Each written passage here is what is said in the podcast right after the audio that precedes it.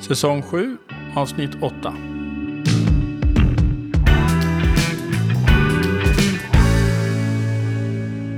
Nu är vi framme vid steg 6. Håll vad du lovar. Mhm. Henrik säger ju att eh, kostnaden för att bryta ett löfte är högt och aldrig värt det. Ja, men det här är väl inte så svårt. Håll vad du lovar. Det är väl jättesvårt, tänker jag. För att ibland kan det vara så där att jag tycker att du har lovat någonting som du faktiskt inte har gjort. För jag har inte uttryckt min, min önskan så väl och du har lovat någonting. Ja, det har liksom inte varit tydligt kommunicerat. Nej, Så det är och ett sätt att det jobba på är det. nyckeln Ja. i det här. Håll vad du lovar. Och då vill jag förstärka med eh, var tydlig med vad du lovar. Eller var tydlig med vad du förväntar dig. Ja, båda hållen. Alltså var tydlig med vad jag förväntar mig och var tydlig med vad du lovar då. Ja, vi har ju haft många mikrobråk när du kommer och säger eh, diskar du kastrullen eller bäddar du sängen? Ja, säger jag. Och för mig är det, ja, allt inom en vecka så är det gjort. Och för dig är det, du vill att vi gör det innan nu eller innan vi går och lägger oss eller... Eh, Ja, nej men jag är helt klart guilt, guilty as charged. Jag är, är usel på att uttrycka mig eh, tydligt. Och det märker jag ju med vår äldsta son också. Det är samma sak där. ja, Vi hamnar i samma strul, struligheter där för att jag inte uttrycker mig tillräckligt tydligt. eh, Och ja, ingen av parterna uttrycker sig tydligt och ingen av oss tar hundra, liksom, sin, sitt ansvar i det. så ta det lilla bråk eller tjafs som krävs vid förhandlingen, om man säger så. Vid löftet. Ja, eller ställ en följdfråga. Det låter som att det är viktigt för dig att, att jag ska diska kastrullen. Ja, det är det. Jag skulle bli så glad om den var diskad innan vi går ut på promenaden. Ja. Men också den som har det, det högre behovet av, av det här diskandet, städandet, eh, skrivandet, eh, vad det nu kan vara. Eh, måste också vara tydligare. Jag har ju lärt mig också att kontra med frågor. Eh, inte Mm. alltid, men ibland just för att förtydliga. Vad är, det, vad är det vi dealar om här egentligen? Mm. Men jag skulle också vilja säga att det handlar om löften till mig själv också. Berätta. Jo, men för att jag måste ju ta ansvar. Då är jag tillbaka till det här liksom, första steget om engagemang. Och alla de där åtagandena, liksom, att jag skulle jobba med min egen utveckling och jag skulle jobba med, jag lovar att ta ansvar för att, liksom, att lösa allt det som är mitt. Och om jag liksom sätter upp mål eller eh, löften till mig själv som exempelvis eh, eh jag ska inte dricka kaffe efter klockan två på dagarna. Och så gör jag det ändå och ligger vaken på natten. Då blir jag liksom elak mot mig själv och då, det blir inte bra för relationen heller. Så ett löfte mot vem det än är är aldrig bra att bryta. Så håll vad du lovar gäller inte bara till partner utan till sig själv också. Ja. Men sen är det ju de där stora grejerna. Håll vad du lovar. Säger du att du ska vara hemma liksom klockan sex, då är du det. Annars hör du av dig.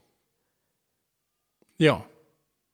Och missar du så är det ju ofta trafik eller det har hänt någonting som ja, du behöver rycka ut. Ja, men ta det på allvar då och liksom hör av dig och förekom än att komma hem halv sju och säga ja men det var ju trafik ju, fattar inte du det? Mm. För det, då är det ändå liksom det där lilla, ett litet, litet svek eller vad tusan det man ska kalla det. Och då är det frågan om man ska som kravställare, kalla för det. Eh,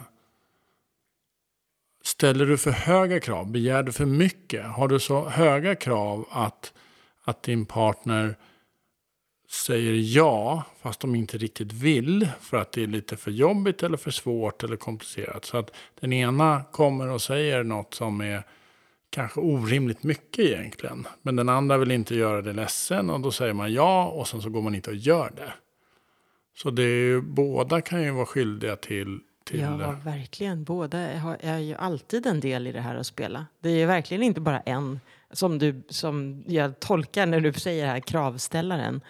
Nej, den andra har lika stor skyldighet att säga hallå, det där är för högt, det går inte. Alltså, återigen, som vi pratade om i förra avsnittet, du måste vara öppen och transparent med precis varje liten detalj. Så om nu kravställaren skulle vara så här, sätta alldeles för höga mål eller eh, som löften som känns helt orimliga men som jag ändå vill säga ja till för jag vill inte göra dig ledsen. Då är det väl bättre att säga det. Usch, nu känns det jättejobbigt. Jag vet, jag vet inte hur det känns men det känns inte bra just nu. Eh, vänta här nu, axlarna åker upp mot öronen och jag känner som att jag nästan börjar gråta. Det kanske skulle få kravställaren att oj, okej, okay. vi backar då. Vad kan vi komma överens om? Ja, men vi kan ju också bråka där, där det blir ett implicit krav. Gör du det där? Och så säger jag i all ärlighet och eh, eh, bra konvention. Nej, det vill jag inte göra. Mm. Då blir du galen. Mm. Det är ju ofta små grejer men ändå. Ibland så, så kanske mer på skämt än något annat. Men ibland säger jag liksom nej det där tänker jag inte göra nu. Mm. Eh, och sen kan jag ha tusen olika dåliga eller bra ursäkter varför jag inte vill göra det. Men för dig var det självklart och att det skulle göras. Mm. Och extra jobbigt just nu när vi försöker få ungarna att lämna hemmet. När jag ändå kliver in och gör en massa grejer som jag vet att jag inte borde göra. Och jag, jag liksom, du får, jag, jag sätter dig, jag är kravställare mot dig och säger lovar du att hjälpa mig med det här? Och du bara nej, för nu ska vi inte. Och bara, Fan vad det skaver då. Så ibland är det ju extra jobbigt också. Ja, men, Men då kanske man måste få en annat sätt. tankeställare Ja. själv. Liksom. Var, det, var det för mycket begärt? Eller så tar man ett litet bråk där och säger allvarligt talat. Du har inte gjort någonting på jättelänge och det här kommer ta dig 35 sekunder. Ja. Eh, Ja, men jag skulle vilja poängtera, det är på bådas ansvar. Båda parternas ansvar. Ja. För är det så att jag har sagt ja till en grej som jag, nej jag ångrar mig, då måste jag ju säga det. ja. Nej, jag ångrar mig. Jag tror inte att jag kan, an, kan eller vill göra det här just nu. ja, Jag måste backa. så håll vad du lovar. Lo, håll, håll vad du lovar. Blir det förändringar får du omförhandla eller informera eller vara tydlig. Det går, om- man får ångra sig, det går bra. Man Absolut. får ändra sig. Mm. Och man får vara jäkligt tydlig om man vill ha tydliga svar. Yes.